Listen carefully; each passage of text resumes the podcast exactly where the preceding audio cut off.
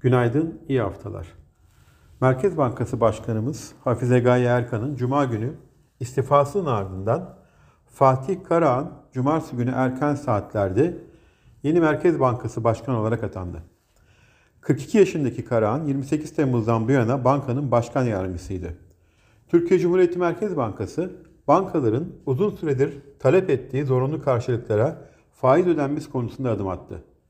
Ocak ayında Amerika'da tarım dışı istihdam 180 bin kişilik artış beklentilerine karşılık 353 bin kişi artış gösterirken e, yıl sonu revizyonuyla da Aralık ayındaki istihdam artışı 216 bin kişiden 333 bin kişiye yükseldi. Son iki ay revizyonu 126 bin kişiyle artış yönünde gerçekleşti. Bugün yurt içinde enflasyon verisi yayınlanacak. Yurt dışında çeşitli ülkelerde hizmet PMI verileri takip edilecek. Asya endeksleri karışık bir görünüm sergilerken Amerika'da vadeliler hafif alıcılı işlem görüyor. Borsa İstanbul'da hafif satıcılı bir başlangıç öngörüyoruz. İyi günler, bereketli kazançlar.